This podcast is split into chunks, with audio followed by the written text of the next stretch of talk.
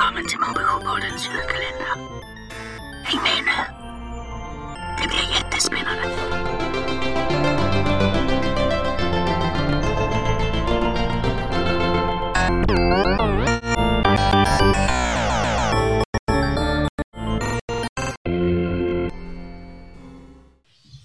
Tredje dagen. Det är kväll den tredje dagen och pappa står ännu en gång och balanserar på kökspallen borta vid fönstret. Jag begriper inte, säger han. Det här är den fjärde eller femte glödlampan jag provar med. Det måste vara något fel på själva stjärnan. Vi får väl köpa en ny imorgon då, säger mamma. Köpa en ny. Nu skulle de kanske ha kunnat höra det där skrattet igen. Det där liksom vemodiga, nästan lite hesa skrattet. Det skulle de kanske ha kunnat göra om de lyssnat riktigt noga, men det gör de inte. Inte ens Tilda lyssnar för hon sitter vid köksbordet och arbetar koncentrerat med sin önskelista.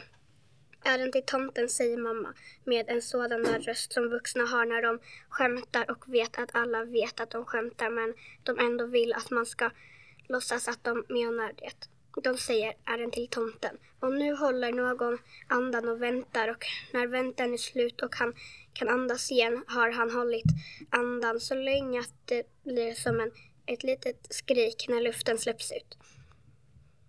Det skulle nog ha kunnat bli en långt skrik, ett skrik som det skulle finnas en risk att någon kunde höra. Det skulle nog ha kunnat bli det, men det blir inte det. För nu läggs en hand för hans mun. Den lilla håriga handen med de långa fingrarna och ännu längre klor. Fast klorna är för säkerhets skull noga indragna nu. Shh, de kan höra dig.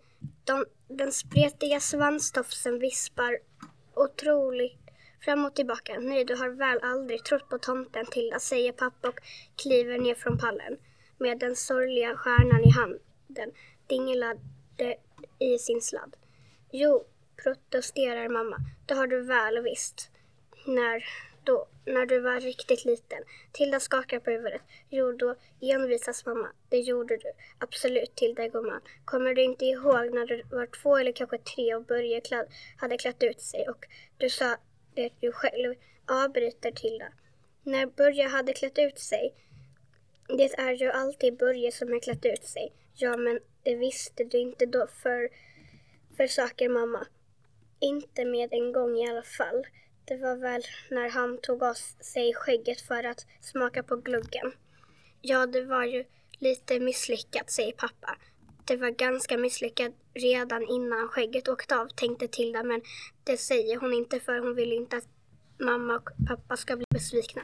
Istället nickar hon bara tyst och fortsätter med sin önskelista. Böcker skriver hon och jordglob med lampa. Sedan vill hon skriva tuschpennor men det kan hon inte stava till så hon skriver bara pennor.